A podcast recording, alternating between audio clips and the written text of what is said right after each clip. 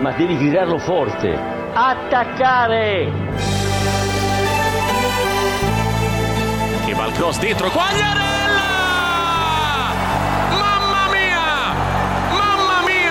Mia! Dal subito ha tornato al giocatore Pirlo, la conclusione in rete! Andrea Pirlo, un gol pazzesco! Con Karajan, la decide lui, la decide il numero 21 con un diagonale impressionante!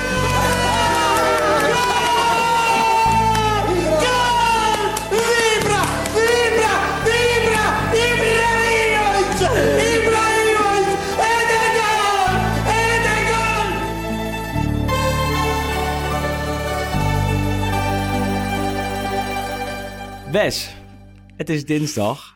En dat betekent dat we er weer eh, klaar voor zitten. Het is eh, 17 over 9. We hebben twee fantastische wedstrijden van Italië gezien. Voor de rest is er eh, weinig gebeurd afgelopen week. Maar wij gaan gewoon weer een uur over eh, het Ja, Italiaanse we, gaan, we, voetbal gaan, we gaan een poging wagen, denk ik. Over Dat is, Italië, muziek, ja. het Italiaanse voetbal. Eh, we hebben een eh, lading luisteraarsvragen. Dus eh, nou, beetje, genoeg om te ja, bespreken, ik. alvast natuurlijk op volgend weekend. Ja, zondag. Napoli-Milan. Zondag Napoli-Milan. En we staan op video. Ja, Dat, dat, is, dus eh, nieuw. net op de dag dat, dat ik eh, wallen van hier tot Tokio heb. Een puistje op mijn neus. Ja, en dan hebben ze bij FC Afkikken besloten om ons te gaan filmen. En voor degene die er nu aan het kijken is... ehm, Nou, dit zijn kijk, wij. wij, eh, wij drinken water gewoon Ja. hoor. Geen zorgen. Proost. Het is geen wijn. Het is geen, eh, geen hele lichte witte wijn. Het is gewoon watertje. En zometeen wordt er nog koffie gebracht. Ja. Want eh, ja, die hebben we vandaag nodig. Special appearance van Broes. Zeker. Ja, die wil heel graag op camera komen. Dus vandaar dat hij eventjes naar binnen komt sneaken. Maar misschien komt eh Armin wel. Armin is vandaag aan ons team toegevoegd als social media expert. Armin, welkom. welkom bij het Leuk Stadion. dat je er ergens bent. Leuk dat je meeluistert. Ja, laten we maar beginnen Ja. bij, bij het begin. Eh, en ik denk dat het handig is om, eh, ja, zoals eh, de afgelopen tijd vaker, te starten met de column van Isaac van Achelen. Vanuit Italië neemt hij de krantjes met ons door.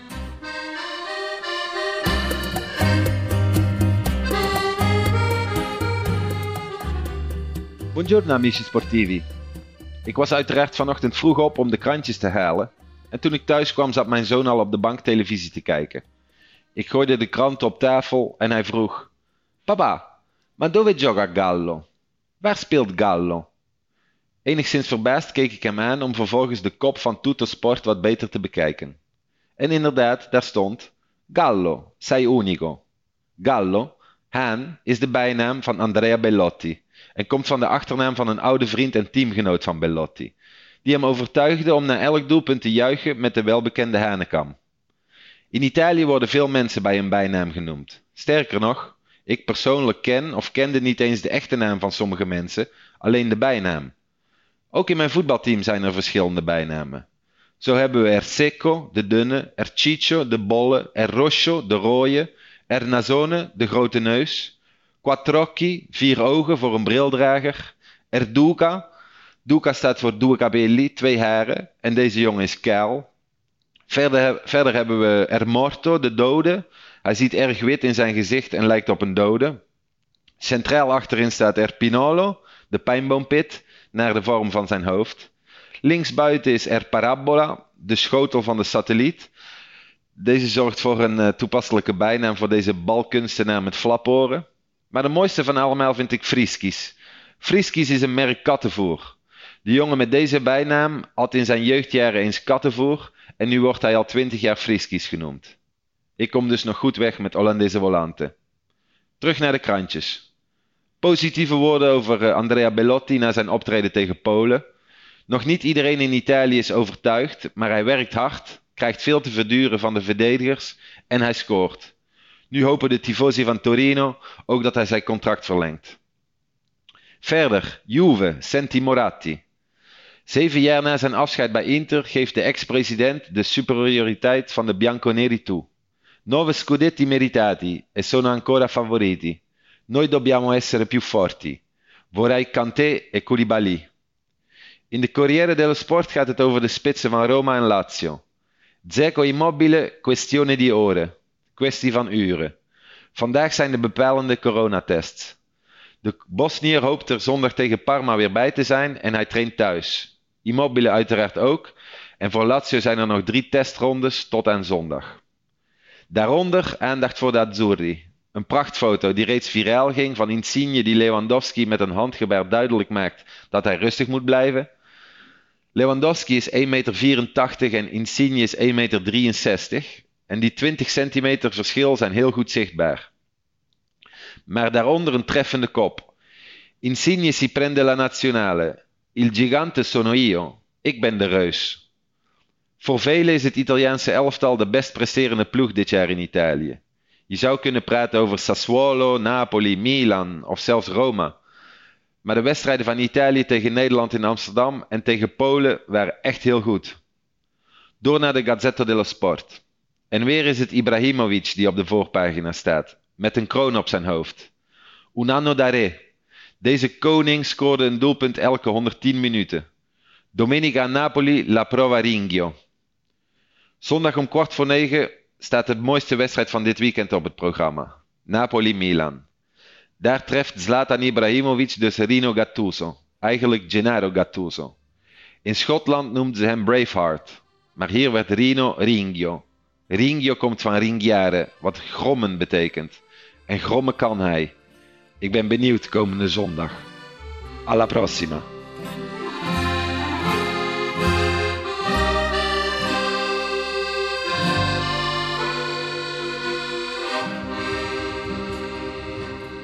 Isaac, die eh, nam de krantjes zoals altijd met ons door. Even over Italië, ook even over de positieve coronabesmettingen. Ook nog eh, nam hij eventjes eh, Napoli-Milan, dus van zondag met ons door. Maar wij starten gewoon met eh, ja, die twee eh, duels Topper. van, eh, van de Squadra Azzurra. Vorige week Italië-Estland. Ik dacht eventjes dat het 2-0 was geworden, maar het, het was 4-0. Was echt 4-0? Ja, ja. Ja, zeker. Niet onderschatten die jongens. Jij met het bord op schoot. Nou, niet eens. Het- was kwart voor negen. Ja, ik, jij gekeken? Ik eet wel altijd laat. Dus het- Ja, ik, ja, nou, ik was volgens mij nog wel bijna, bijna met het bord op schoot. Nou ja, ik, ik zat te kijken, maar goed, ja, je stuurde het volgens mij ook al net een uurtje eh, voor die wedstrijd. Het was echt de meest inspiratieloze ja, opstelling aller tijden, denk ik. Moeten we er even bij pakken, denk ik zo meteen. Echt, nou, misschien niet eens met het B-team, maar wel met het C-team. Eh, Omdat het een zinloze ja, interland goed, het, was. het was natuurlijk weer zo'n oefeninterland. Daar hebben we het natuurlijk al vaker over gehad. Ja, dat, dat voegt gewoon niet veel toe. Dus dan snap je op zich ook dat ze... Ze hadden 40 man opgeroepen natuurlijk ook. hè. Ja, dus op een- zich is logisch dat dan de rest, zeg maar een beetje de, de buitenbeentjes dan, eh, dan, dan mochten spelen. Even de eh, basisopstelling voor de duidelijkheid. In het doel Sirigu. Rechtsachter Di Lorenzo. Centraal in de verdediging Danilo D'Ambrosio en Bastoni. Het eh, duo van Inter. Linksachter Emerson Palmieri. Op het middenveld Gagliardini, Tonali en onze grote favoriet van Bologna, Soriano. Rechtsvoor Bernardeschi. In de spits Lasagna. En linksbuiten onze grote vriend, eh, die nog nooit in Italië heeft gespeeld, maar wel namens Italië uitkomt, of voor Italië uitkomt, Grifo. En die scoorde twee keer. Die scoorde twee keer. Ja, nee, goed. Ja, zoals je hoort, die opstelling, het was niet, eh, het, het was niet de A-ploeg, zeg maar. En ook niet, niet eens de A-bondscoach. Ook niet de eh, A-bondscoach. Eh, Roberto Mancini, die is overigens nog steeds positief aan, aan corona. Maar die was er toen nog niet bij, werd dus vervangen door, we gaan het nu goed uitspreken, Alberico Evani. Laatste keer Eh, dat we die uitspreken tijdens deze podcast. Alberico. nee, maar ja, het is belangrijk. Ja, zeker. Je, we eens, moeten ook eens. gewoon Nee, kwaliteit ja, nee, leveren. Geen nee, Alberico net als vorige week, maar Alberico. Als wij kritiek hebben op anderen die Ja. Spinazzola verkeerd uitspreken, dan moeten we ook Alberico goed uitspreken. En niet. Alberico. Eh, maar die stond langs de lijn in een mooie pilootjas, mooie snor. Wat jij ook vorige week zei, een soort detective. Ja. Eh, deed mij ook meer aan een piloot denken. Ja, een beetje een combinatie, ja. een beetje een mysterieus figuur. En eh, ja, op het veld dus ook wat, wat de mysterieuze figuren die we eigenlijk nooit in actie zien. Eh, en uit het niets bleek Grifo toch ja, een, een prima voetballer maar het is ook een prima voetballer. Ja. Ik denk dat, dat hij dat natuurlijk in Duitsland speelt. nou, hoe lang speelt hij aan de Bundesliga? Jaren. Hoffenheim en eh, Ehm, nu bij Freiburg. Hij doet het daar heel goed, denk ik. De paar keer dat, dat ik die Bundesliga toch een keer aanzet in plaats van de Serie A, dan Doe je dat? zelden. Maar het, het komt af en toe eens voor. Maar ik, hij maakt altijd een prima indruk. Alleen, je moet dan toch een beetje, een beetje hetzelfde geval als ja, bij, meer van die spelers. Je denkt van ja, is het dan wel goed genoeg voor de, voor de nationale ploeg? Maar goed, ja, als je toch 40 man oproept, Mhm. ja, dan maakt het eigenlijk Nee, allemaal niet precies. meer uit Want, want als je Italiaans bent, of in ieder geval een Italiaans paspoort hebt, dan, eh, dan word je opgeroepen. Terwijl Broes de koffie naar binnen komt brengen. Hey, Bro- Broes, je staat op de camera hoor.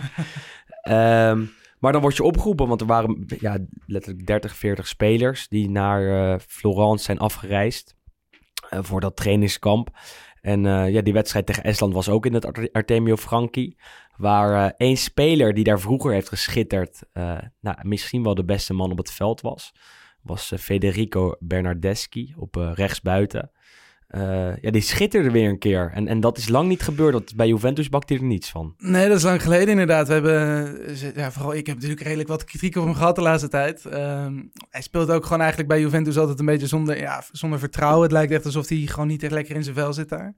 Eh, en nu, ja, of het nou inderdaad met Florence te maken heeft, dat, dat, dat weet je nooit. Maar hij speelde nu, eh, hij stond in de basis, kreeg het vertrouwen, speelde met nummer 10 op zijn rug. Mhm. Echt een goede goal. En het was gewoon echt, hij speelde een prima wedstrijd. eh, een kwam soort vanaf, ja, trekstoot. Ja, een beetje dat- zijn- op zijn ja. robbers eigenlijk. Mhm. Hij kwam van buiten naar binnen. Ja, maar Robben krult hem dan in de verhoek. de En dit was, dit was in het, het, de eh, ja, korte in de korte hoek. En, en de keeper zag hem niet aankomen. En die kon er ook helemaal niets meer aan doen.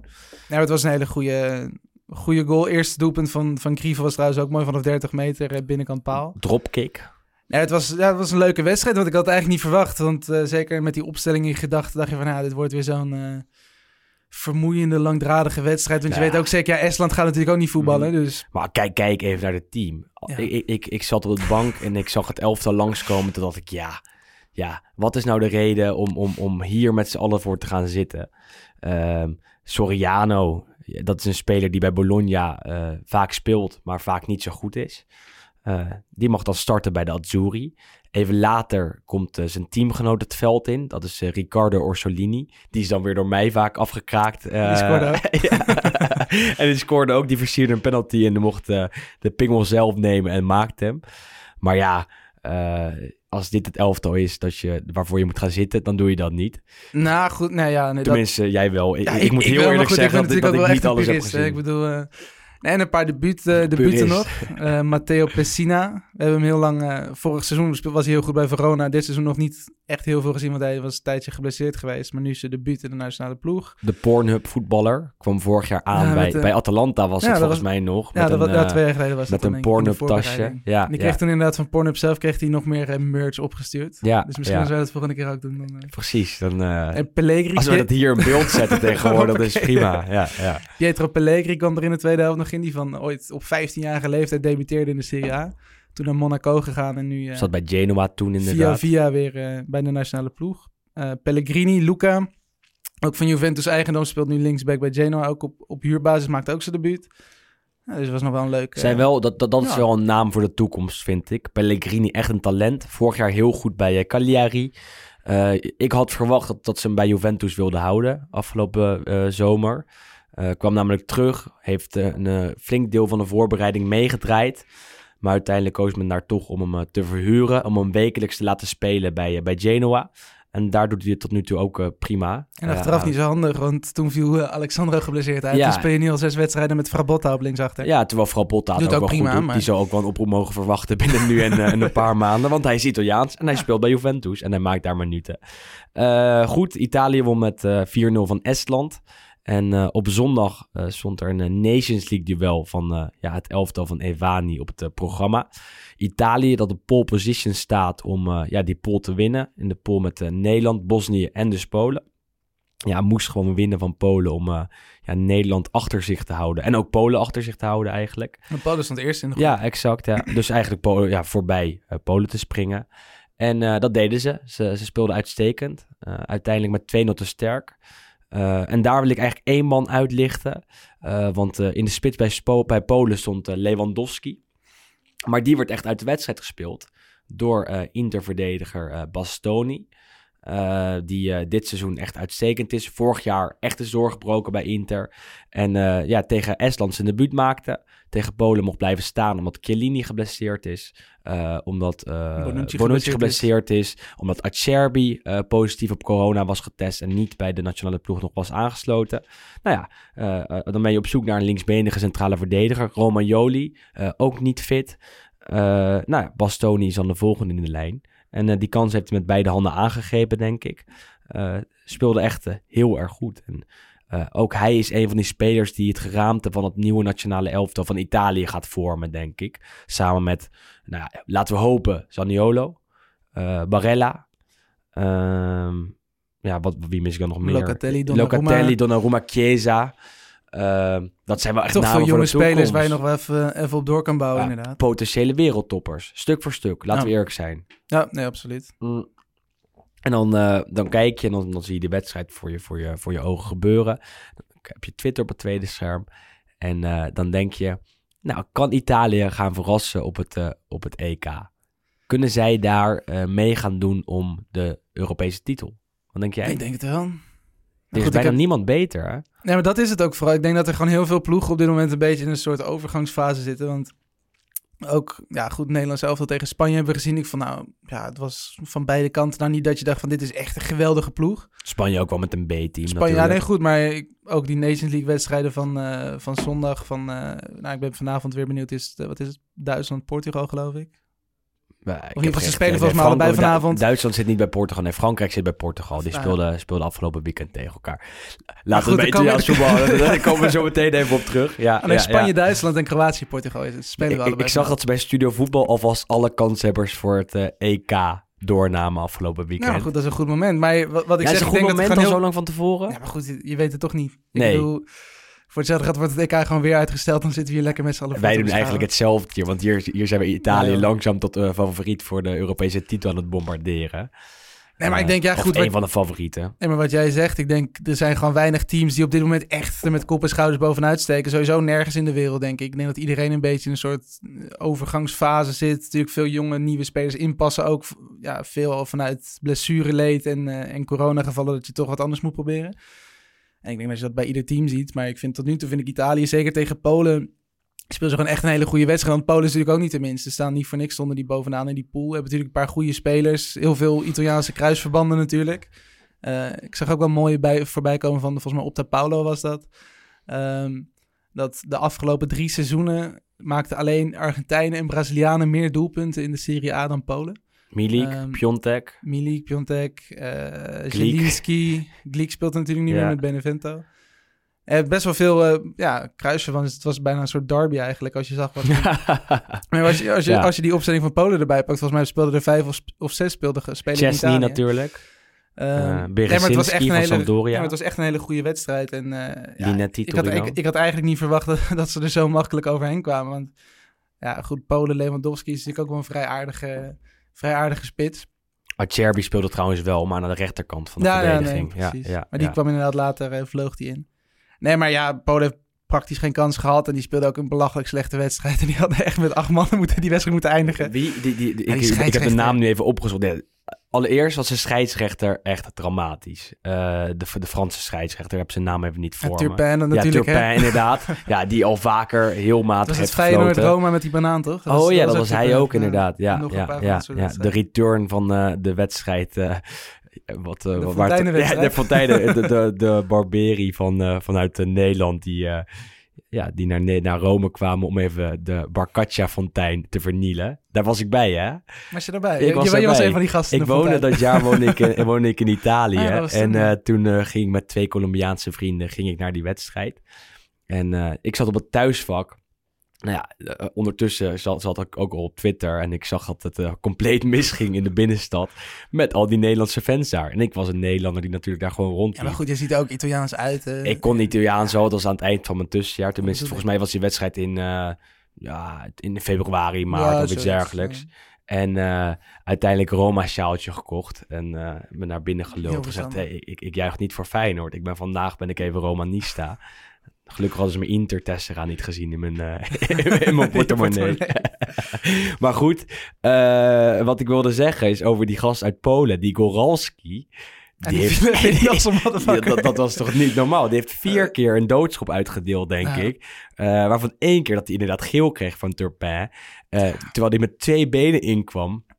En, eh, en ja, daarvoor al Lewandowski die een Ja, elleboog er had waren weer meer uitgedeeld. momenten inderdaad. Op een gegeven moment, ja goed, Lewandowski, Bastoni, die knallen een beetje tegen elkaar aan. Een beetje duwen en trekken over en weer.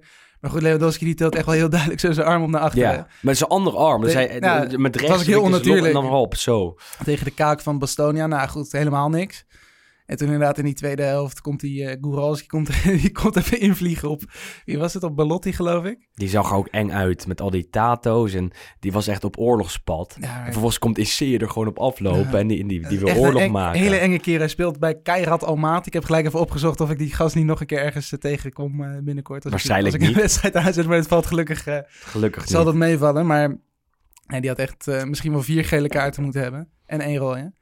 En wie is dan de beste middenvelder van Italië op dit moment? Want ik eh, zag de afgelopen weken, eigenlijk maanden al, veel lovende artikelen langskomen over eh, Manuel Locatelli van Sassuolo. Maar eigenlijk net zoveel over eh, Nicolo Barella van Inter.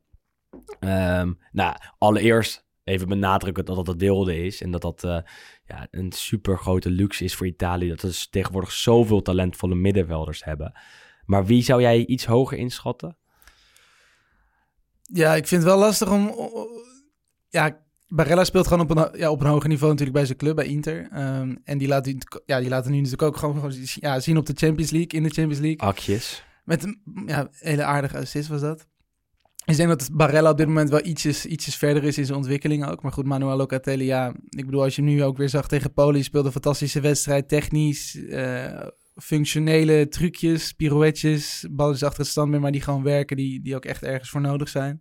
De Zerbi Ehm, sprak zich vandaag eh, ja, over hem uit. goed. De Sassuolo-trainer. Die zei dat hij eh Wijnaldum tijdens de wedstrijden tegen Nederland compleet uit de wedstrijd heeft gespeeld. En dat hij absoluut een van de beste middenvelders is die hij eh, heeft getraind. In het geval van de Zerbi is dat niet zo moeilijk. Maar hij eh, schrijft eh, Locatelli wel omhoog. En eh, laten we duidelijk zijn dat Locatelli zeker klaar is voor een stap hogerop. Nou goed, hij wordt natuurlijk ook al anderhalf jaar weer, denk ik, in, in verband gebracht met allemaal topclubs binnen Italië. Vooral met Juventus, waar Andrea Pirlo hem eh, had willen hebben afgelopen Nou. zomer. Maar waar er geen geld was om hem te halen. Het zou eh, me niks Sassu- verbazen als hij inderdaad straks deze, deze winter alsnog die kant op gaat. Ja, maar Sassuolo vraagt wel 30, 40 miljoen. En, en zeker in de winter zullen ze daar nog wat op bovenop gooien. En eh 45, 50 miljoen vragen. En Juventus kan dat op dit, dit moment gewoon niet betalen. Bernardeschi ruilen, toch? Ja, Bernardeschi ruilen, zoiets. En dan moet het echt een ruildeal zijn. Of nog wat eh, jeugdige talentjes die eh, vaker naar Sassuolo zijn gegaan vanuit, eh, vanuit Turijn. Ehm, maar dan heb je ook nog Tonali erachter zitten. Dus Italië heeft... eh, en, en natuurlijk En ook. Jorginho, ja, Jorginho nog jong, steeds. maar wel goed. Dus het is wel echt uitstekend wat er bij Italië eh, rondloopt. Maar dat wisten we in Nederland al, want eh, die twee duels tegen Nederland, tegen Oranje, was Italië ook gewoon eh, vrij goed. Vooral in de arena, vond ik. Ja. Waar ze echt met het allersterkste elftal aantraden. En zeg dat zo? Aantraden? Ja, Ja? ja, ja, ja, ja. ja. En, eh, en, en echt hartstikke goed waren, want Immobile was er toen ook bij. En eh, die speelde toen een van zijn betere wedstrijden bij Italië eh, van de afgelopen tijd. Nou, maar dat blijft denk ik nog wel gewoon het, het, het grootste zorgenkindje, die spitspositie. Want het lijkt echt gewoon op het moment dat je een goede spits in de Serie A een Italiaans shirt aantrekt, dat het dan op, ja, op de een of andere manier niet echt meer wil, wil vlotten. Eh, Ehm, Ken, Ja, die, Ja, die doet het uitstekend bij Paris. Is verhuurd door eh, Everton naar Parijs gegaan. En Die was eh, nu, daar is hij gestart met scoren. daarom Ja. is hij Want hij zat wel bij de selectie, want ik Ja. denk dat hij normaal gezien ook wel had gespeeld, een van deze twee 100% wedstrijden. tegen Estland dat hij zeker Of misschien gespeeld. morgen. Ja. Ehm, ja, nee, dat lijkt me inderdaad ook wel, zeker als hij gewoon een goed seizoen blijft rijden. Volgens mij nu vier, vijf wedstrijden, vier of vijf doelpunten. Ik bedoel, Mhm. het is... eh, En bij Paris Saint-Germain, ja, wat het is wel gewoon geen- een grote club is. clubje. In principe houdt hij Icardi daar op de bank. En dat is best opvallend. Ehm, dus daar krijgt hij de voorkeur boven de oud-topschutter van, eh, van Inter. En dat vind ik ook wel meer, denk ik, een, een, een spits voor. Want we hebben natuurlijk even een paar weken geleden... we die vorige interlandperiode gehad over Chicho Caputo. Die natuurlijk ook meer een combinatiespits is, zeg maar. Eh, terwijl je natuurlijk met Belotti en Immobile vooral echt sleurders hebt. Caputo was geblesseerd ook Ja, trouwens, teruggegaan naar. Sassuolo. Eh, maar ik denk dat Kien inderdaad wat meer ook in het rijtje Caputo past. Van iemand die ook gewoon in de combinatie en, en voetballend... wat, wat verder is misschien dan een, eh, dan een Belotti bijvoorbeeld. Is het nou Ken of Keen? Ik, ik Ja, ik- vergeet je altijd. Het is, het is nooit compleet Het, duidelijk het was geworden. vroeger was het Ken volgens mij, maar hij heeft het nu weer zelf uitgesproken in zijn welkomstvideo bij eh, Paris Saint-Germain. Toen was het weer Kien, dus laten we het Hij weet het zelf ook niet. En de commentatoren zeggen ook Kien in Italië bij de RAI. Is het nou dus, Mac eh, of Mac? ehm, Mac Kenny is Ja, ja, ja, ja, precies. Ehm, laten we eerst nog even naar de column van Juriaan gaan. En daarna kijken we nog even naar de andere internationals uit de Serie A. Maar Italië speelt eh, morgen tegen Bosnië, Bosnië-Herzegovina. En eh, tijdens die wedstrijd kunnen ze de eerste plek in eh, de Nations League pool veiligstellen. Ehm en normaaliter gaan ze dat gewoon doen. Deze wedstrijd tussen Bosnië en Italië is vaker gespeeld.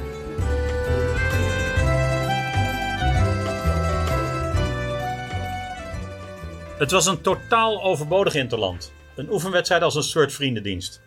Het team van het pas gecreëerde land Bosnië-Herzegovina zou een officiële interland spelen tegen de vice-wereldkampioen Italië. Het was zo'n wedstrijd die was georganiseerd door de Italiaanse bondsvoorzitter Antonio Mattarese om zieltjes te winnen. Maar eigenlijk kwam het niemand uit. Het paste niet echt in de drukke wedstrijdkalender. De interland was notabene gepland op een dinsdag. Dinsdag 6 november 1996. De spelers reisden naar Sarajevo en dat was nauwelijks 15 maanden na de gebeurtenissen in Srebrenica geen leuke plek om naartoe te gaan. Er waren niet eens lichtmasten en dus werd er afgetrapt om 13 uur.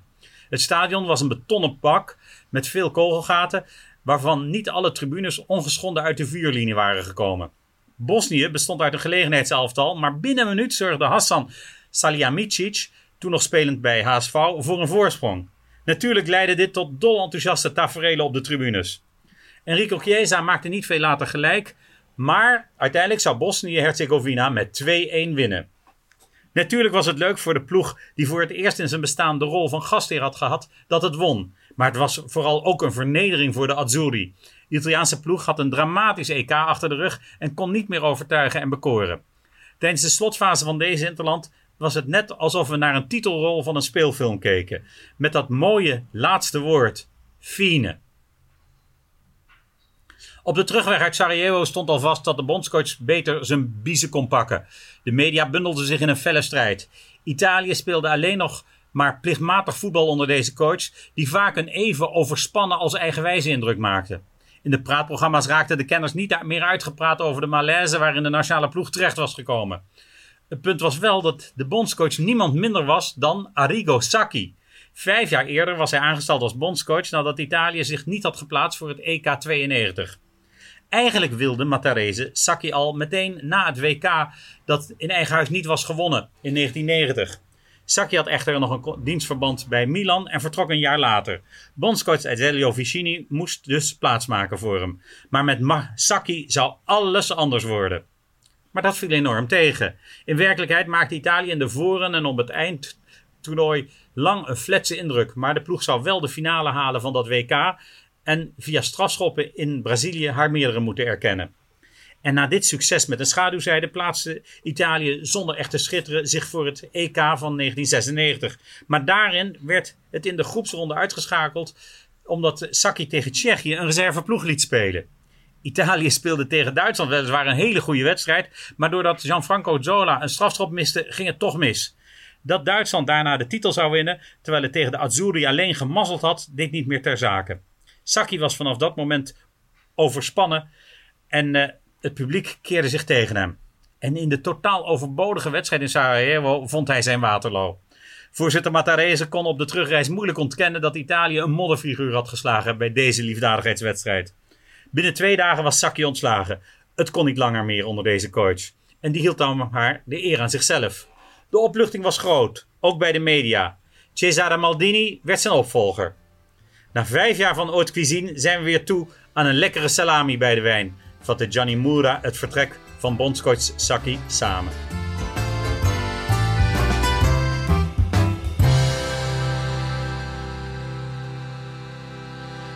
Ja, destijds was eh, die wedstrijd tussen Bosnië en eh, Italië dus eigenlijk de indirecte aanleiding voor het uiteindelijke ontslag van Arrigo Sacchi. Een eh, tijdje later, Dat zal nu niet eh, zo snel lopen, denk ik. Want eh, Roberto Mancini heeft eh, enorm veel kredieten opgebouwd bij eh, Italië. Gaat ook echt niet vertrekken als het minder goed doen op het EK. Want er is een mooi project eh, gestart. Er is een mooi traject dat wordt gevolgd. En Mancini is eh, zeker de juiste man op, eh, op die positie. Eh, verras je dat nog, Wes?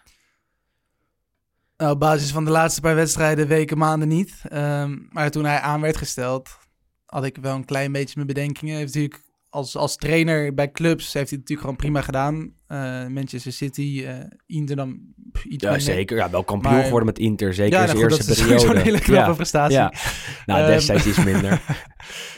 Ja, ja ik, ik, ik weet niet. Het, ehm, je moet toch altijd ook maar afwachten hoe een, hoe een clubtrainer tussen aanhalingstekens zeg maar als, als nationale bondscoach doet.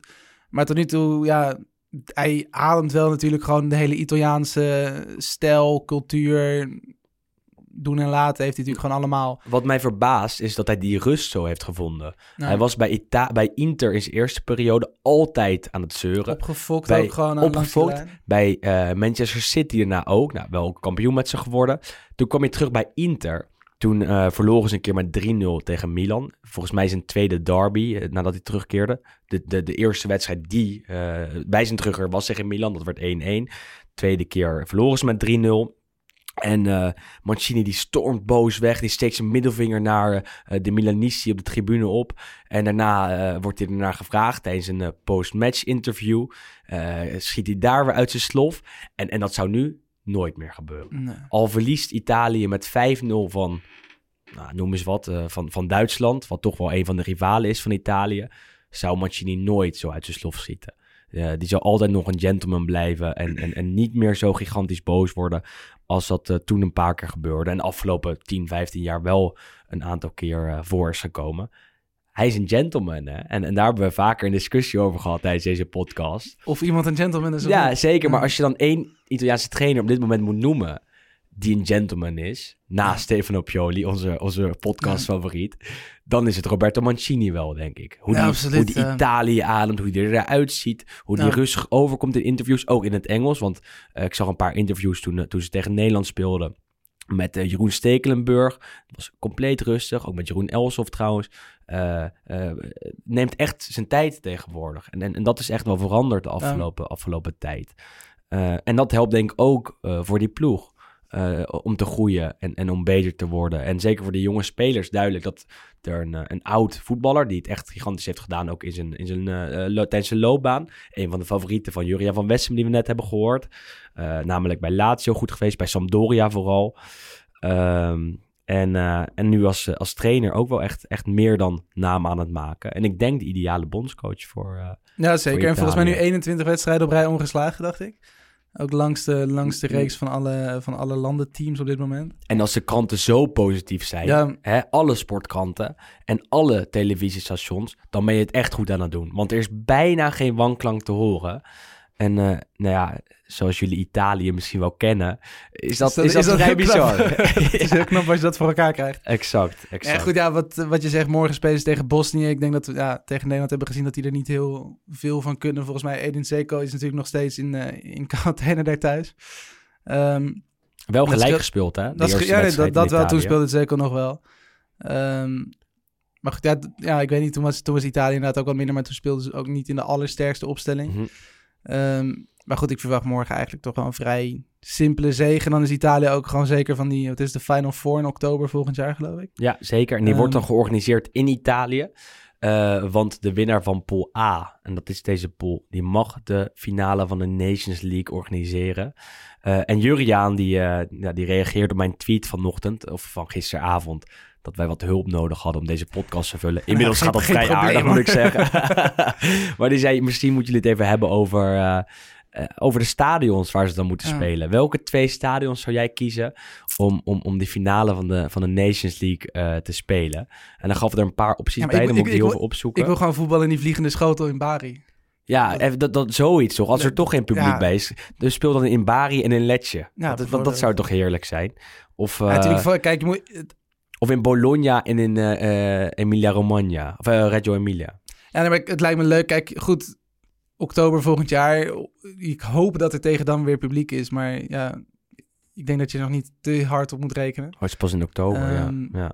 Maar goed, ja, als er inderdaad nog weinig of nog helemaal geen publiek mag zijn, dan zou ik gewoon lekker een paar mooie stadions kiezen.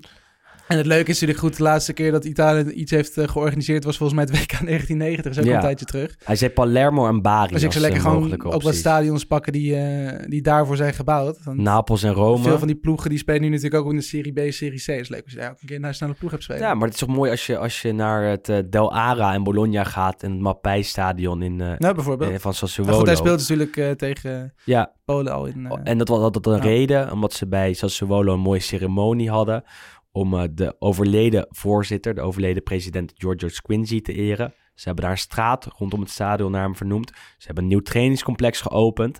En eh, ik vind het dan wel mooi dat de Italiaanse voetbalbond daarnaar luistert en daarnaar kijkt.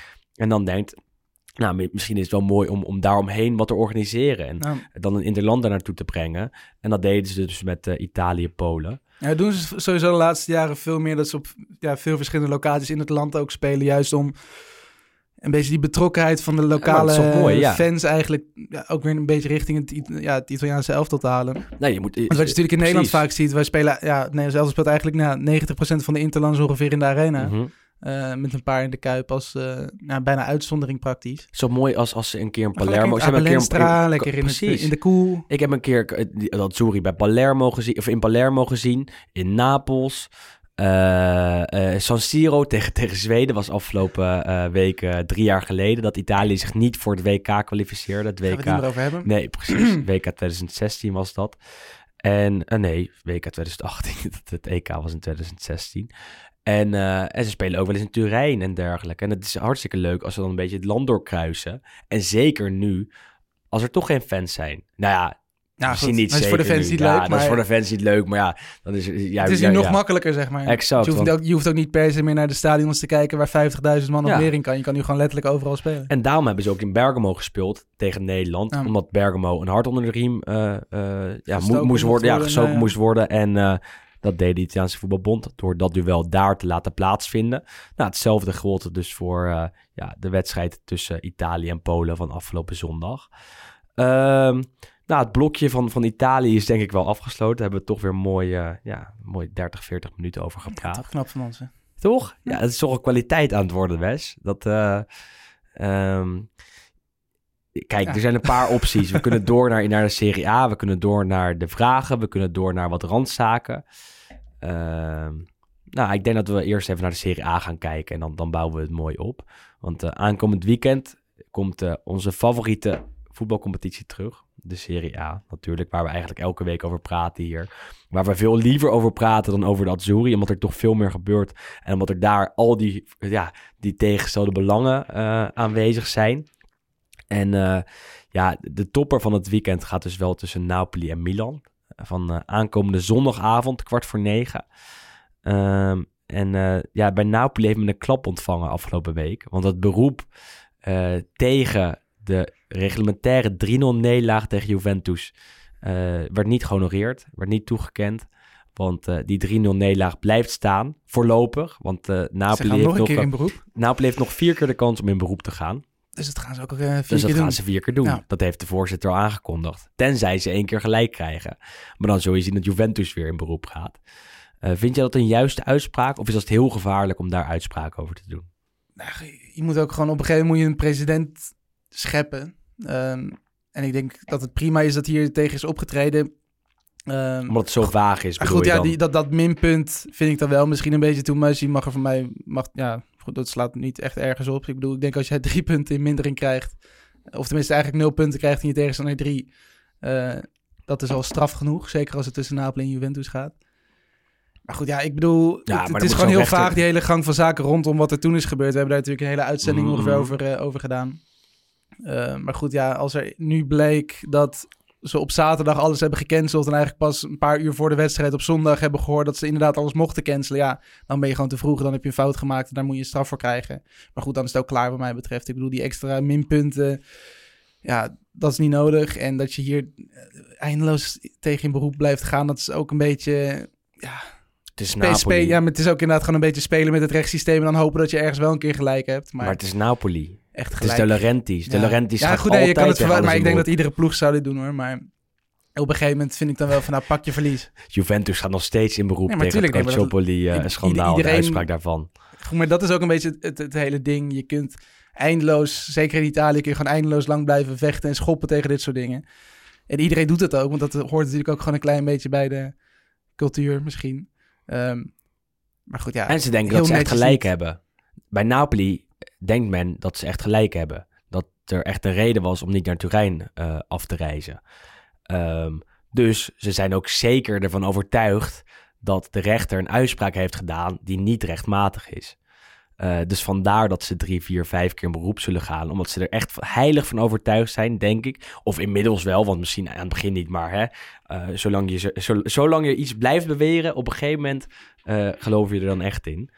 Eh, dat Napoli er zo vaak eh, tegen in beroep We gaat. hadden ooit een mooie Amerikaanse president die zei dan eh, fake news. Ja, ja. dat is hier ja. misschien ook wel een klein dat? beetje van... Daar zie ik nooit langskomen, eerlijk gezegd. Het was laatst wel het nieuws, maar... Maar, zijn ehm, maar goed, Roma is een ander verhaal. voordat we teruggaan naar Napoli-Milan. Want Roma ging ook in beroep tegen de uitspraak van de Italiaanse voetbalrechter. En die hebben namelijk aan het begin van het seizoen tegen Verona gespeeld. Dat werd 0-0. Toen eh, hebben ze een eh, speler in de selectie opgenomen, Diawara. Die eh, op de verkeerde lijst werd gezet. En dat mag niet. Het duel eindigde dus in een gelijkspel. Maar werd later omgezet in een eh, 3-0 overwinning voor Verona. Omdat Diawara dus verkeerd was ingeschreven. Ook Roma ging in beroep tegen die uitspraak. En ook Roma kreeg geen gelijk. En daar heb ik eigenlijk weinig gelezen over een beroep. Eh, maar dat, eh, dat valt ja. nog maar eh, te bezien. Ja, goed, maar dat zeiden we volgens mij toen ook al van tevoren, toen inderdaad bekend werd dat... ze- Ja, toen hebben we het vooral over Napoli gehad, dat die in beroep gingen. Mhm. Dat eigenlijk die sportrechter, nou, 99 van de 100 keer geeft hij ze toch geen gelijk meer in, de, in, in het hoger beroep. Dus het was wel, dit zag je wel aankomen, maar... Maar ze kunnen nog naar allemaal andere Ja. instanties gaan. En eh, dat zijn weer allemaal andere rechters. trekken, geloof ik, eh, Exact, in plaats ja. van nationaal. Ja. Dat ze heel erg zijn benadeeld. Krijg nog wel een staartje. Krijgt nog wel een staartje en waarschijnlijk een lang staartje. En eh, daar houden we jullie natuurlijk van op de hoogte. Terug naar het echte voetbal. Napoli-Milan dus. Milan dat het zonder trainer Stefano Pioli moet gaan doen aankomende zondag. Die is positief getest op corona. Eh, wat de spelers betreft valt het eh, nu nog mee. Dat eh, ja, valt nog te bezien, want de tests ja, zullen gaan gebeuren na de interlandbreek. Dus aankomende donderdag en vrijdag. Ehm, even dat buiten beschouwing gelaten. Zie je Milan daar winnen in Napels? Nee, ik denk het niet. Ik, vind Napoli ehm, dit seizoen wel denk ik de beste ploeg in Italië tot nu toe.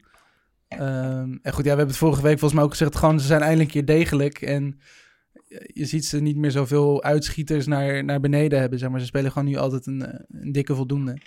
Ehm, en ja, ik ben echt, ik ben echt onder de indruk van Gattuso het ook daar heeft neergezet. En eh, ook voor hem natuurlijk een klein beetje revanche gevoelens waarschijnlijk nog vanwege zijn vertrek natuurlijk bij Milan. eh, ondanks dat het best wel prima ging. Denk je dat... Wel een lange historie bij Milan gehad. Ja, dus er nee, zal nog ja. zeker... Ja, de liefde zal er ook ja, nog zitten, hoor, maar- ja. Ze toch een klein beetje zichzelf willen, willen doen gelden. En eh, ik denk wel dat, dat Napoli die wedstrijd eh, wint. Maar in ieder geval een lekkere afsluiting van het voetbalweekend. eh, Ja, ja. Zondag kwart voor negen. Ik denk dat we het hele weekend weer klaar gaan zitten voor, Oh, voor alles. Maar 100 procent. Dit is wel een mooi, mooi potje. Dat, dat is mijn laatste dag als vrij man ooit. Nou, De volgende dag is mijn eerste werkdag, Wes. Dus, gefeliciteerd. nog. ja. dankjewel. Ja, dat dan, Willems dan- werk. Dit wordt ook een nieuw columnje. Vanaf dan wordt het 50 jaar hard werken. Nou. En elke dag om... dan mogen we niet meer klagen over vroeg En hoe laat moet je beginnen dan? Dat weet ik niet. Ik Oh, denk dat het wel meevalt. Ik denk dat het vooral s'avonds werk is. Eh, voor de duidelijkheid, ik ga bij Southfields werken. Wat een eh, voetbalproductiebedrijf is. Dat scheelt. Dat scheelt. Je blijft een beetje Ik in de- blijf een beetje in de voetbal branche. kijken. Ja. En het zal vast 's avonds zijn. En geen zorgen, de podcast die blijft natuurlijk gewoon doorgaan. Elke dinsdag. En je Twitter-account wordt ook niet opgegeven natuurlijk. Nee, Dus- maar daar moeten we nog maar even kijken wat ik daar allemaal mag zeggen. Want dat, dat, dat- dat- dat is natuurlijk gevaarlijk.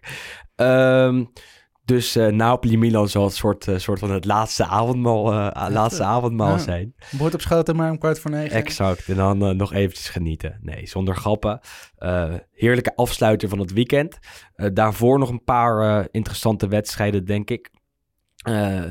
Waar een opvallende is, het duel tussen Spezia en Atalanta, denk ik. Spezia de afgelopen weken echt heel erg goed. Eh, zeker voor eh, wat we van hen eh, hebben verwacht aan het begin van het seizoen. Atalanta iets minder. Dus daar zit misschien wel een stuntje in, hè? Van Italiano tegen Gasperini, de twee trainers. Dat is wel een duel op zaterdagavond om 6 uur, waar we voor ook voor gaan zitten, denk ik. Later, zit jij klaar voor Juve Cagliari of niet? Ja, ik zit denk ik gewoon de hele wedstrijd. Ja, ik hele ook, weekend ja. klaar maar nee, tegen... Extra klaar. Ja, nee, extra klaar. En wat je net zei inderdaad rondom het Italiaanse elftal, Chiellini, Bonucci zijn natuurlijk allebei niet bij. Eh, volgens mij Chiellini een maand eruit, Bonucci drie, twee, drie weken. De carrière van Chiellini is wel een beetje Ja, het eh, gaat wel eens een nachtkaars, eh, gaat ik. het uit intussen. Nou goed, ik heb van de zomer heb ik zijn biografie gelezen. En toen zei hij van, eh, ik wil graag ook dat bestuur in. Hij heeft natuurlijk niet voor niks ook niet, eh, wat is het, zijn, eh, zijn scriptie toen ooit geschreven over de financiële situatie rondom, rondom de club. Maar hij zei zelf van, ik heb nog wel, ik voel nog wel dat er twee of drie jaar voetbal in me zit. Maar Ah, op deze manier getuige de laatste paar maanden is het inderdaad eigenlijk blessure na blessure. En het, ja, het zou me niet verbazen als dit gewoon zijn laatste seizoen misschien al wordt. Hij- zou er zelf, maar- Precies, hij zou er zelf ook wel moe van moeten zijn. Ja, dat dat kan maar wel. niet anders. En dan ziet hij achter zich dat er heel veel jonge spelers eh, aankomen. Bonucci ook dus geblesseerd. Dus Hij eh, speelt ook niet. Matthijs Dus, de Ligt komt weer terug. Ehm, en hij speelt waarschijnlijk in het ja, centrale trio is het tegenwoordig natuurlijk bij eh, Juventus met Danilo en eh Demiral. Dus het wordt trip, Triple D, triple D, ja. 3D. Ik weet niet hoe we het gaan noemen. Ze zullen vast iets leuks bedenken op Ja. de, Triple D kan wel. Dubbel D was iets... eh, Dat was ja, misschien iets, ja, eh, ja, iets gewaagd. Exact, ja. Nee, dus dat, Ehm, dat lijkt me sowieso een interessant... eh, En, en over Project Dan- Danilo is men wel ook echt heel erg enthousiast in Turijn. ja, Dit seizoen een van de betere spelers. Jij zei het laatst ook. Misschien wel de misschien beste wel de beste, speler. denk ik, de meest constante dit seizoen. Dus is het dan eh, de defensie die je eigenlijk de rest van het seizoen wil gaan zien? Met Demiral, De Licht en Danilo? Ik sowieso. Ik Ja? ben natuurlijk, ik, ja, goed, jij, vergelijk, jij vergelijkt me nog steeds altijd met Bonucci. Niet Eh, meer, niet meer. Ik zal het nou, niet meer doen. Maar goed, we hebben nu camera's. Ik kan nu ook Ja, niet meer, geen nee. middelvingers meer opsteken. wat Jij vergelijkt mij altijd met Leonardo DiCaprio. Ja, daar zeg ik ook niks over. Danny DeVito, toch? nee, maar goed, ja, ik ben geen fan van Bonucci. Dat weten we denk ik ook intussen allemaal wel. En ja, ja, sowieso met het oog op de toekomst. Ik bedoel, Demiral en, eh, en De Licht zijn bij elkaar zijn die 42 jaar, geloof ik. Dat is jonger dan, eh, dan Buffon. Eh, Danilo doet het inderdaad echt gewoon meer dan prima. Ehm, is geen centrale verdediger, maar ik denk voor in zo'n ja, 3 slash 5 mans verdediging is het gewoon een prima speler om erbij te hebben. En ik denk dat Danilo inderdaad eh, nu misschien eigenlijk pas laat zien dat hij ook echt wel een, een prima voetballer is. Want hij heeft natuurlijk eigenlijk een belachelijke carrière gehad als je ziet wat voor clubs hij intussen allemaal achter zijn naam heeft gehad met eh, Porto, Madrid en Manchester City. Eh, maar hij laat nu inderdaad echt wel zien dat het gewoon een hele goede voetballer is. En ik denk inderdaad een van de meest eh, constante spelers misschien dit seizoen bij, bij Juventus. Dus het is inderdaad een hele leuke defensie. En ik zou dit wel eh, eigenlijk de rest van het seizoen willen zien. Maar goed, Bonucci komt straks weer terug. Ehm, En die zal wel zeker gaan spelen. die gaat gewoon eigenlijk... Ja, maar goed, die is aanvoerder nu, zeker nu Chiellini er niet is. Dus ik ben ook wel benieuwd wie de aanvoerdersband krijgt trouwens. Want heel weinig ervaring op dit moment in de, in de ploeg zonder die. Dus ja, wat denk jij, Chesney? Ja, dat denk ik wel, ja. Waarschijnlijk. Ik zat even na te denken. maar- Quadrado misschien heeft hem natuurlijk ook nee, gehad vorige, dat denk ik niet. Dat denk ik niet. terug. Ik denk Chesney eerder. Ik zeg Quadrado. Ja, oké. Wat zetten we Mooie erop? gok. Een aanvoerdersband van Juventus. Ja, ja, wie weet. Zoiets, zoiets. Eh, dus Juve tegen Cagliari. Dat eh, zou in principe niet heel veel... eh, ja, al wel. Cagliari de laatste tijd wel, wel redelijk sterk. Juve natuurlijk niet heel goed aan het seizoen begonnen. Dus het kan eh, ja, misschien wel lastig worden. Eh, op zondag staat eh, de rentree van Prandelli bij Fiorentina op het programma. De trainer die terug is. Waar het eh, social media account van eh, Fiorentina de afgelopen tijd heel veel aandacht eh, voor aan het besteden is. Aan aan het besteden is.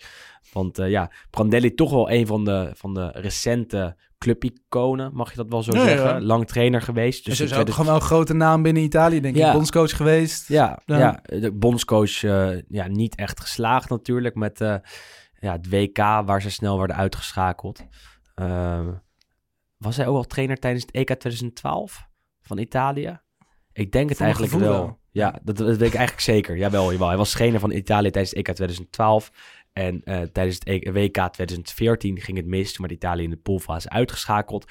Had iedereen ruzie met elkaar en eh, moest Prandelli ook eh, vertrekken. Net zoals de bondsvoorzitter en Mario Balotelli, die met alles en iedereen ruzie had.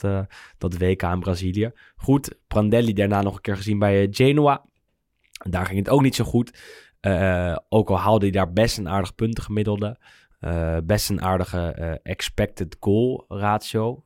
zoals je dat zo, zo kan zeggen. Ja, dat kun je zo zeggen. En ehm, Ja, maar jij bent de optaanman hier. Maar ik, ja, ik moet er toch een beetje aan Ja, dat kun je zo aanpassen. zeker zeggen. En nu is hij terug bij Fiorentina Ja. als opvolger van Beppe Jacchini. Nou ja, tegen Benevento Slechter is kan dan... het niet, dus dat scheelt Nee, al. wel lekker, om, eh, wel lekker om te beginnen tegen Benevento dan ook, denk ik. Gaat gelijk... eh, Zou hij die paarse bomberjack... eh, Ja, ik vrees, ik vrees het niet. Maar ik heb nog wat meer wel, ja. foto's langs zien komen. Met een mooie rugbytrui. Ook in het, in het paars. Met een lange mat. Ehm, en helaas zag ik de afgelopen weken wat, wat meer foto's van Prandelli. Van, van, van het heden. En daar ziet hij toch iets minder eh Italiaans eruit. En iets minder verzorgd. Dus het wordt gewoon een lange zwarte jas. Ik Ook denk geen, dat het... geen dat nee, nee. geen nou, ik denk wel een pak. Een pak. Een maar pak. geen paarse kooltrui. paarse eh, stropdas. Nee, nee, nee. nee Helemaal niks paars. Gewoon, gewoon rustig beginnen. Misschien een niks klein paars. logootje op, eh, op de borst. de Ehm, en dan begint dit tegen Benevento. En, en daar zag ik een, een vraag ehm, voorbij komen. Niet over Benevento, maar wel over Fiorentina. Eh, hoe het met uh, Sofian Amrabat gaat. Want vorig jaar waren wij elke week heel erg lovend over hem. Hebben we echt eh, ja, heel vaak hem de hemel in eh, geprezen. Terwijl we dit jaar eigenlijk nog geen woord over hem hebben gerept.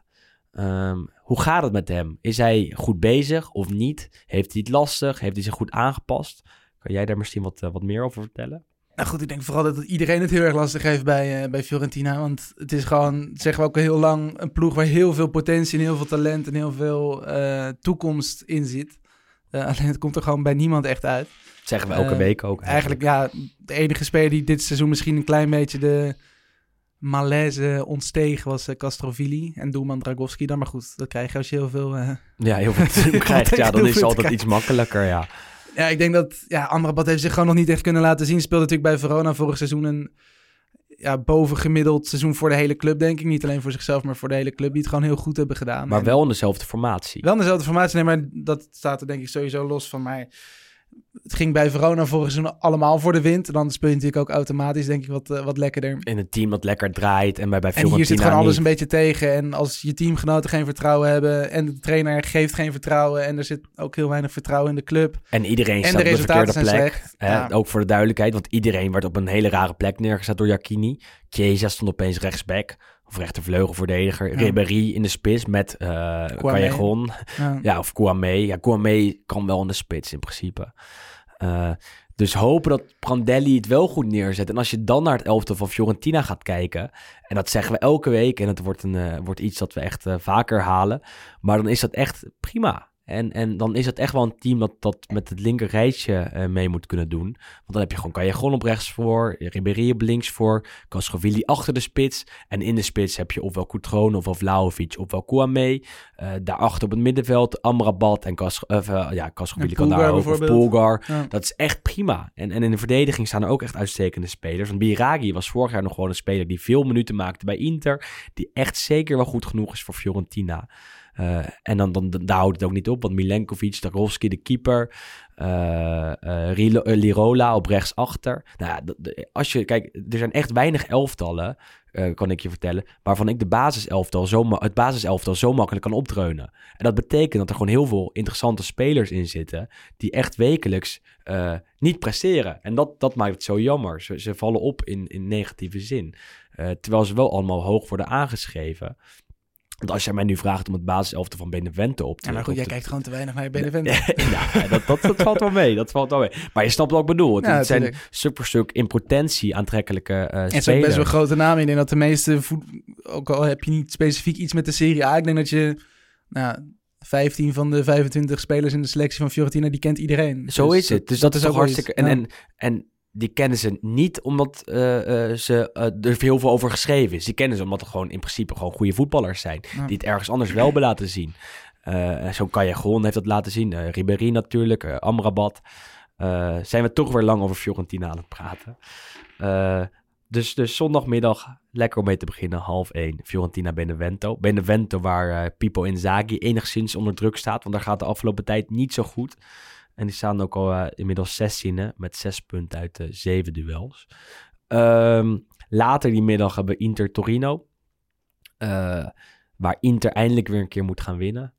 Eh Conte afgelopen week met een groot interview in, in een van de Italiaanse sportkranten. En daar werd hem bevraagd naar de kritiek van de afgelopen tijd. Want, want men zei in Italië dat hij niet meer de wil heeft om te winnen zoals hij die bij Juventus en Chelsea had.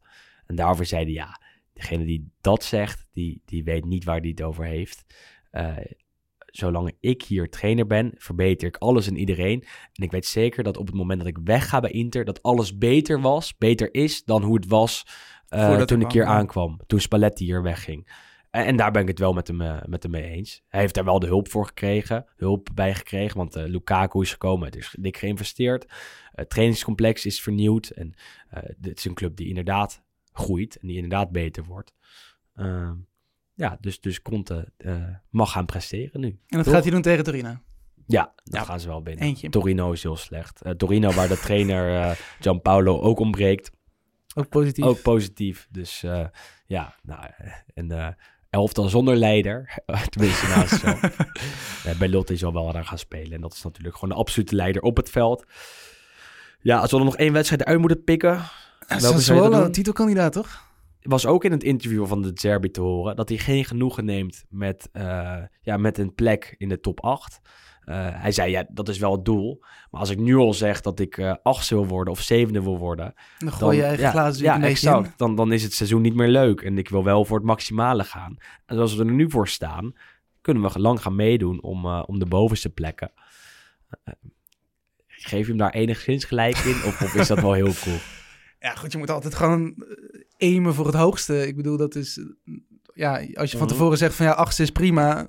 Op een gegeven moment ben je dan ook een beetje je motivatie kwijt. Want je, als, je, als je zesde of vijfde staat, want je denkt van ja, we staan toch boven gemiddeld. Dus nu hoeven we niet meer in te spannen. En hij was niet zo stellig, hè? We Nee, zetten het hier stellig neer. Ja, goed, was in de topsport werkt natuurlijk precies. allemaal wel wat anders. Maar ik denk dat Sassuolo zeker gewoon mee kan doen om die Europese plekken.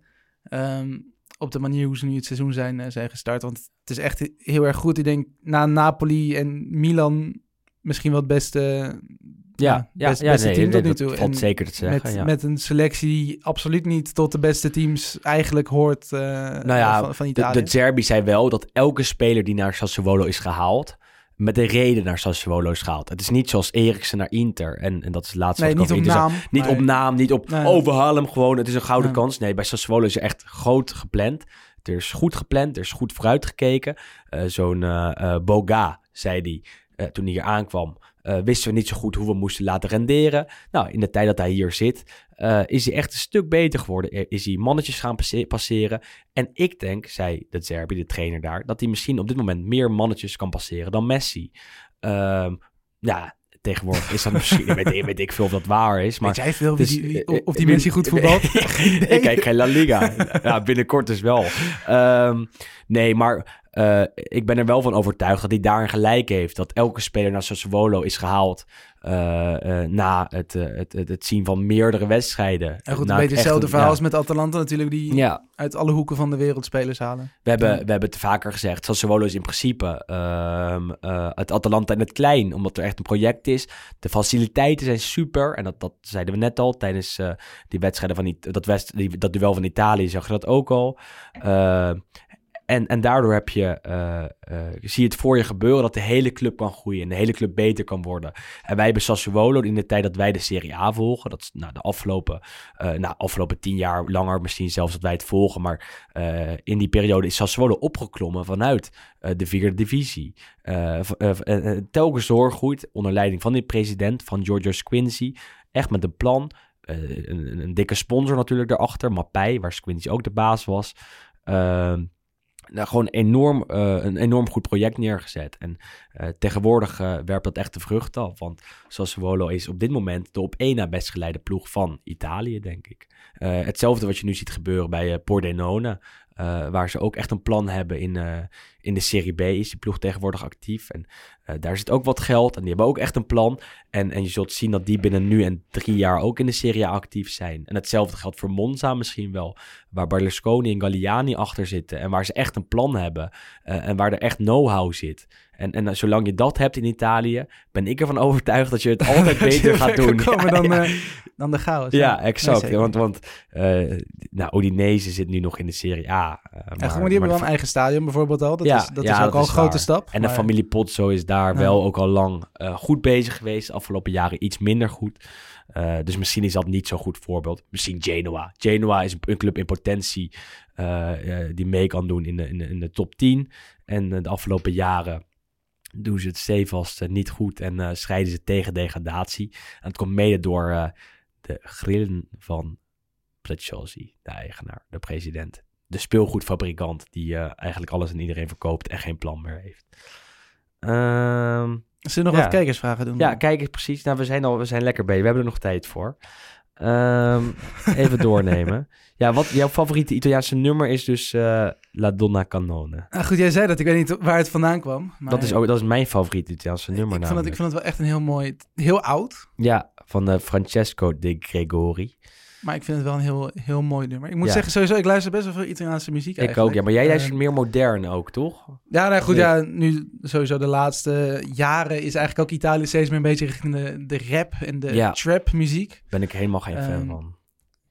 Maar goed, er zijn ook gewoon nog andere jonge artiesten die ook een beetje in het oude Mhm, genre, zeg maar, door Mhm, blijven mhm. gaan. Ehm, Ultimo, dat is een eh, hele leuke zanger. Heeft ook een, hij is tweede geworden bij Sanremo en hij heeft het jongere Sanremo heeft hij ooit gewonnen. Sanremo, even uitleggen. Het muziekfestival van Italië. Ja, gigantisch feest is dat eigenlijk altijd. Echt een ding is dat Dat is echt, eh, maar het is ook heel interessant. Echt leuk, gigantische gasten komen daar. We hebben natuurlijk een keer Donatella Versace volgens mij gehad. Die eh, dat deels presenteerde. Eh, heel veel voetballers komen er ook vaak. Volgens mij heeft Ronaldo in zijn eerste seizoen dat hij in Italië was... zat hij daar ook op de eerste rij. De vriendin van Ronaldo. Die heeft het toen vorig seizoen gepresenteerd. Georgina. Eh, nee, maar het is echt een heel leuk, interessant festival. Je kunt het ook volgens mij gewoon vanuit Nederland Mhm. volgen via de website van de Rij. Het is allemaal gewoon zonder VPN, zonder moeilijke dingen. En de winnaar van Sanremo doet gaat mee naar het het eh, Songfestival. Eurovisie Ja. Songfestival, ja. Maar eigenlijk de meeste van die winnaars, dat zijn ook al wel, of tenminste, je doet mee niet als onbekende artiest, maar je doet vaak al mee toch als iemand die al een klein beetje naam heeft gemaakt. Eh, dus je ziet sowieso ook gewoon hele interessante hedendaagse artiesten voorbij komen. En Dat is wel dan iets heb je ook anders nog, zeg maar, Sineke. Nee, precies. En je hebt dan ook nog een B-lijst. Dat zijn dan zeg maar de echte jongere talenten. En dat zijn dan echt wel vaak eh, opkomende artiesten die nog niet heel veel mensen kennen. En bijvoorbeeld het, twee jaar geleden die Mahmoud met, met Soldi. Ja. eh, Egyptisch, Italiaanse, Siciliaan kan hij volgens mij vandaan. Interessant nummer ook juist over de integratie toen met moslim, Mhm, mhm. islamitische invloeden binnen Italië. Wat natuurlijk ook niet altijd wordt geapprecieerd door de standaard Italiaan. Maar het is een heel leuk, heel leuk festival. Goed, ja, heel veel muziek komt daar vandaan. Dus daar Ja. heb ik ook een klein beetje inspiratie uit. Maar eh, Ultimo is eh, recentelijk misschien wel een van de leukere artiesten binnen Italië. Je hebt ook nog Vasco Rossi. Ben ik Nou, een dan gaan we weer lekker weer terug in de tijd. Ja, ik ben, ik ben iets meer van de terug in de tijd. Van de klassieke Italiaanse eh, muziek. Tenminste, niet klassiek. Maar Lucio Battisti, zo vaker genoemd in de podcast. Vasco Rossi. Francesco Umberto de Gregori. Tozzi. Umberto Tozzi. Komen ook allemaal langs. Zucchero. Ja, is dat natuurlijk wel iets, eh, ja, iets commerciëler. Niet, niet, het moet niet te commercieel zijn. Lucio Nee. Dalla eh, uit Bologna. Is, die heeft een van de mooiste nummers eh, uit Italië ook geschreven, vind ik. Piazza Grande. Eh, dus eh, ja, ja, even ons muziekblokje gehad, denk ik. Eh, Moet ook vaker nee, de muziek- Italiaanse muziek is toch, de is toch lekker. van de week. maar we dan, eh. kunnen, we kunnen volgens mij geen muziek in de podcast embedden. Nee, omdat het met rechten niet gaat. Dus eh, als, je, nou, als je een keer wil kijken, moet je gewoon aan een van ons even een Italiaans afspeellijstje eh, vragen. Sander Jongman luistert altijd naar die van mij, toevallig. Huh? Die, eh, ja, die zei eh, ja, dat, dat hij dat lekker vindt. Nou, dat is eh, een aanrader dus. maar we gaan door met eh voetbalgerelateerde vragen.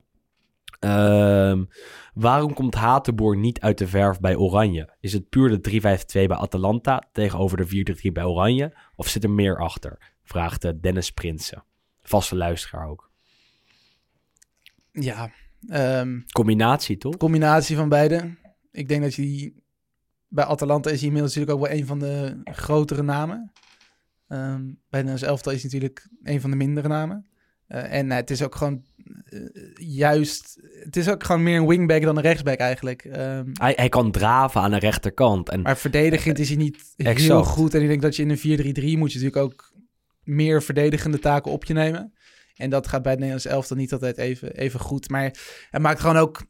Nu deze interlandperiode heeft hij natuurlijk ook niet heel veel gespeeld. Dus toen, dan valt het niet op. Maar zeker vorige keer, toen was het echt gewoon een hele gekke fout die hij maakt. Dat je denkt Mhm. van, het maakt niet uit of je nou linksbuiten of rechtsbuiten... of rechtsback of linksback staat. Het is gewoon, je moet een bal gewoon kunnen aannemen en terug kunnen spelen. in Italië weten ze dat een beetje aan zenuwen. Eh, Ja. Tijdens het duel met Italië eh, zag Hatenboer er erg zenuwachtig uit, zei eh, de Italiaanse pers. Ehm, maar ja, het is inmiddels zo vaak gebeurd dat je, dat je erover gaat twijfelen of je wel in die 4-3-3 moet gaan spelen. En dan zie je Drum, of, eh, Dumfries, eh, ja, Nee, maar ik Dan denk sowieso als, aan de rechterkant, nee, maar ja, dan als je een 4-3-3 stuk beter. speelt, denk ik gewoon dat Hatenboer echt niet je eerste Nee. of tweede of derde rechtsback is. Dan Nee, dat denk ik ook heb je niet. veel betere opties. Eh, dus het zal deels aan de formatie liggen, deels aan zijn kwaliteit. En bij Atalanta heb je gewoon vaak dat spelers perfect dat ene puzzelstukje vormen voor de formatie van eh, Gasperini. En bij Oranje werkt dat eh, immers niet zo, want daar ben je maar een paar keer per jaar bij elkaar. Tegenwoordig wat vaker dan normaal, maar goed. Roel Respe, eh, die eh, altijd eh, tegen ons zegt, dat we niet mogen klagen over het vroege opstaan. Nou, dat hebben we al een tijdje niet gedaan volgens mij. Of misschien wel aan het begin van deze podcast, maar dat weet ik niet meer. Dat weet je al niet meer. Zo vroeg ben je opgestaan. Ja, dat is precies. Gewoon zo, zo lang geleden wordt het al. Inmiddels al een uur geleden. Welke aanvaller is voor zijn team de belangrijkste? Immobile voor Lazio, Zlatan voor Milan of Ronaldo voor Juventus? Nou, ik denk dat dit seizoen is het heel makkelijk. Dit seizoen is gewoon Zlatan. Ja. Ehm, Nou, Ronaldo is ook wel belangrijk. Want Ja. toen, toen Ronaldo er niet was, was Juve zeker een stuk minder dan toen hij er wel was. Eh al slaat dan natuurlijk in alles belangrijk. Nog Ja. belangrijker dan, dan, dan Ronaldo. dit seizoen zeker. Ja. Laten we het gewoon kort houden. Dit seizoen Zlatan. Slaat dan, ja, mee eens. Eh, de vraag over Amrabat hebben we al beantwoord. Eh, de prestatie van Bernardeschi hebben we ook al eventjes ja, behandeld. Zijn we ook even langs gegaan. Ja, dit is een mooie van de Kjetil. De financiën van de Italiaanse clubs, die er volgens de Gazzetta niet zo top uitzien. Eh, dat is wel interessant. Daar wilden we het al een keer eerder over hebben. Is wel relatief ingewikkeld. Maar het komt erop neer dat in Italië eh, ja, het een grote rotzooi is. Dat Italiaanse clubs al eh, tijden niet betalen. Dat er heel veel ploegen niet liquide zijn. Dus die niet direct de salaris kunnen betalen van hun spelers. Die niet direct de transfersommen kunnen overmaken voor, voor spelers. Alleen is dat iets wat echt al jaren aan de gang is. En dat is een soort bubbel die is opgebouwd. Eh, in die bubbel stelt eh, de ene Italiaanse ploeg de betaling aan de andere Italiaanse ploeg enorm uit. Betalen ze weliswaar iets meer, maar dan zeggen ze, weet je wat, wij halen Barella, Inter zegt dat, we halen Barella van Cagliari, maar we betalen pas in eh, 2022 of iets dergelijks, terwijl die transfer al vorig jaar is eh, afgerond. Ehm, maar dan wordt die beta- betaling inderdaad uitgesteld. En daarbij ging Inter ervan uit dat zij hun eh, inkomsten op hetzelfde niveau konden houden. Of misschien wel zouden vergroten. Eh, nou, dat is niet gebeurd. Dus op dit moment zie je dat Inter niet liquide is. Dat zij eh, veel moeite hebben om te betalen. En eh, nou, dat Barella misschien nog wel kan worden eh, eh, afgerond. En die betaling kan worden afgerond. Maar dat ze veel meer moeite hebben met het halen van andere spelers. En goed, en als je heel veel van dat soort gevallen hebt, op een gegeven moment Ja. ga je dan... Dan heb je een bubbel, een bubbel, een Ja. bubbel. En op een gegeven moment wordt die doorprikt. En dat is nu bijna het geval. Waarbij er heel veel Italiaanse ploegen bijna omvallen. En waar de spelers niet betaald krijgen. En, en dat zie je bij Lazio. Waar Lazio afgelopen week vol bombari een eigen vliegtuig presenteerde. Eh, weliswaar niet helemaal doorheen geproduceerd en dergelijke. Maar Dat is ook een heel oudje het is uit echt zo. 98, zag ik. Het Lazio vliegtuig. Ja. En eh, nou, daar was eh, Luis Alberto, de Lazio middenvelder, erg ja, over verontwaardigd. Die zette op zijn Instagram iets. Jullie kunnen wel een vliegtuig halen, maar niet Nou, misschien, betalen. misschien is het leuk als jullie ons ook even... ja, wat is dat nou? En als het bij Lazio niet gebeurt, dan gebeurt het bij veel meer ploegen. Je hoort het bij eh Lasse Schöne, bij Genoa. die inderdaad met de club overhoop, li- over- overhoop ligt.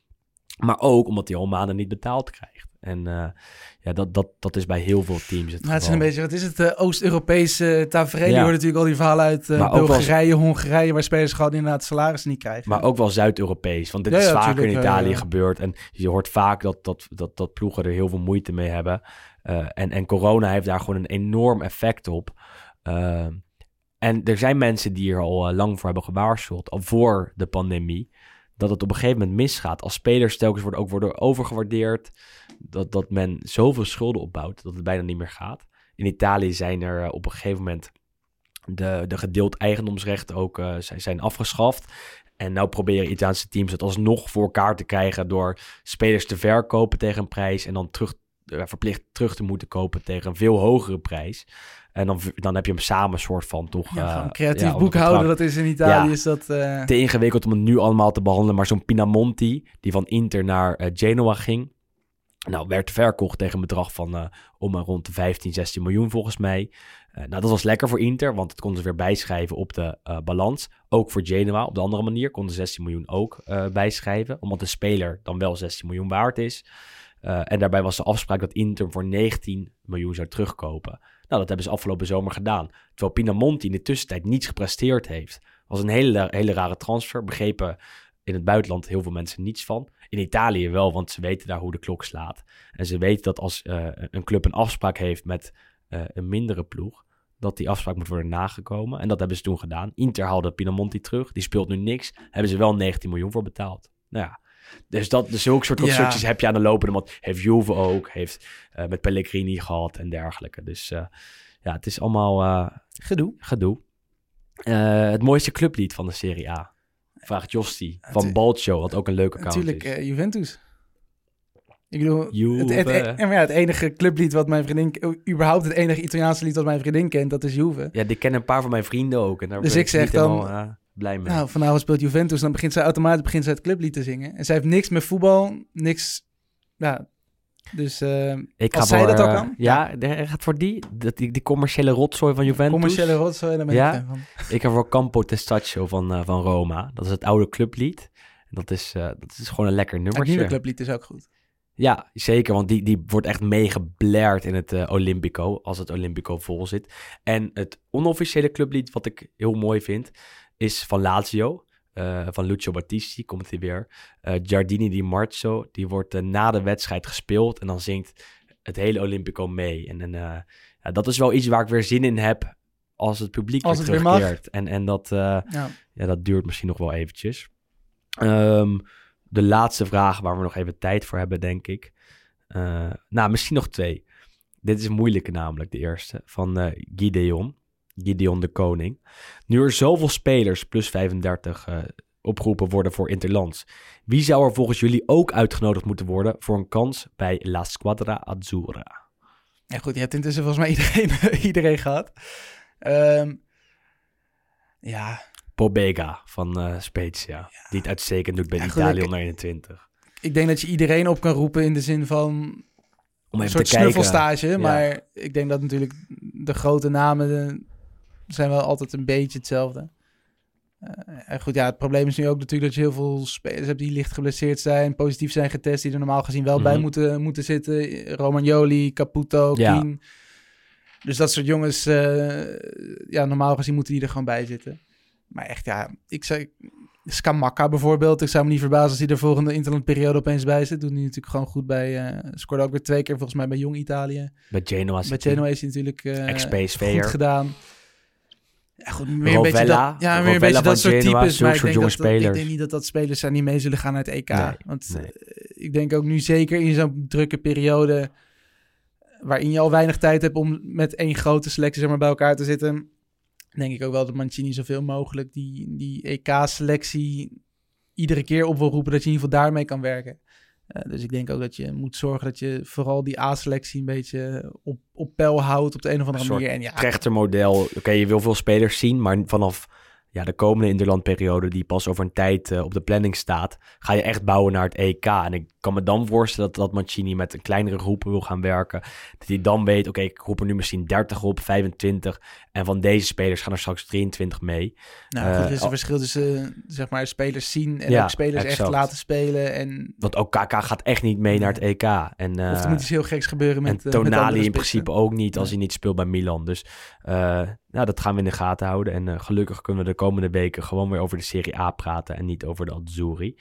Laatste vraag. Eh, hoe zou het zijn met Mario Balotelli? Want eh, komt hij nog ergens aan de bak binnenkort? Vraagt eh, Pascal Slambroek. Ja, dat is eh, interessant. Eh speelt natuurlijk vorig seizoen bij Brescia met ruzie, te zwaar, allerlei andere randzaken is hij toen daar, eh, daar weggegaan. Ehm, zou toen even, ja, zijn naam dook op bij eh, Como, Ja. Serie C, heel mooi, stadion. Ja. Ehm, Nog bij een Serie D-ploeg is hij nu volgens mij aan het hij meetrainen. traint mee bij Francavilla, Ja, geloof ik, uit mijn hoofd. Waar de Maar- wijn eh, erg lekker schijnt te zijn, las ik. Dus, eh, ja, maar ja, of hij daar gaat spelen, dat weet ik ook niet. En hij werd bij Fiorentina genoemd. En bij de Pyramids uit Egypte. Wat bij Fiorentina zou ook wel opvallend zijn. Want daar komt hij dus terug bij Prandelli. Waar we het eh, zo net nog even over hadden. Dat hij ruzie daarmee had tijdens het WK 2014. Dus misschien niet zo waarschijnlijk. Misschien duikt hij gewoon op in Egypte of iets dergelijks. Ehm, als hij er nog zin in heeft. Want Ja. eh, ik kan me voorstellen dat Balotelli, die niet echt verliefd is op voetbal, niet naar Egypte gaat om daar te spelen. Dat is trouwens Francia Corta waar die meespeelt Oké, in, ja, de, in de. Serie. Mocht je Ja, misschien dat willen zien. familie in de buurt hebben of zo. Wes, dat was hem alweer eh voor deze week. Luisteraars, bedankt. Dat Kijkers, weer, ook kijkers bedankt. ook bedankt. Ja. In de kamer kijken. Bedankt voor de, voor de afgelopen ja, een uur en eh 15 minuten plus minus. Toch weer knap man. Volgende week zijn we er weer. Ehm, en voor nu even wat dienstmededelingen. Recenseer ons op eh, iTunes. Dat is altijd belangrijk. En dat vinden we leuk, want eh, die recensies bekijken we echt wel. En iedereen die daar tot nu toe heeft geschreven, bedankt. Er zijn hele aardige, leuke reacties. Ehm, als je een vraag hebt of een tip, of een mogelijk koffiemerk, biermerk dat we moeten drinken tijdens de podcast. T-shirts die we aan moeten trekken. Exact. Dan eh, kan je ons altijd bereiken. Of kan je FC Afkikken altijd bereiken. En eh, wat ook belangrijk is, is dat wij merchandise hebben. Ben ik vorige week vergeten te promoten. Eigenlijk bijna schandalig. Maar die eh, merchandise is te koop op de website van FC Afkikken. Heb je een mooie longsleeve met het Lo Stadio logo erop. En ja, je moet ook natuurlijk naar ons luisteren via Sonos. Wat een eh, hartstikke... Sonos? Sonos? Ja, het schijnt Sonos te zijn. Sonos? Ja, ik dacht Sonos ook. Maar vorige week, die, vorige week was, eh, eh, hadden wij de podcast opgenomen. kwamen Nieuw en Broes opeens voor te zitten. Tot onze verrassing. En die zeiden Sonos. Nou, Dus nou, of Sonos of Sonos moet je even luisteren. Want ja, die hebben echt fantastische boxen. Afgelopen weekend heb ik alles wat ik aan muziek heb geluisterd via, Via Sonos, Sonos. geluisterd. dus nou, dat is echt een tip voor jou ook. En voor nu, bedankt. Tot volgende week. Tot de volgende. Thank you.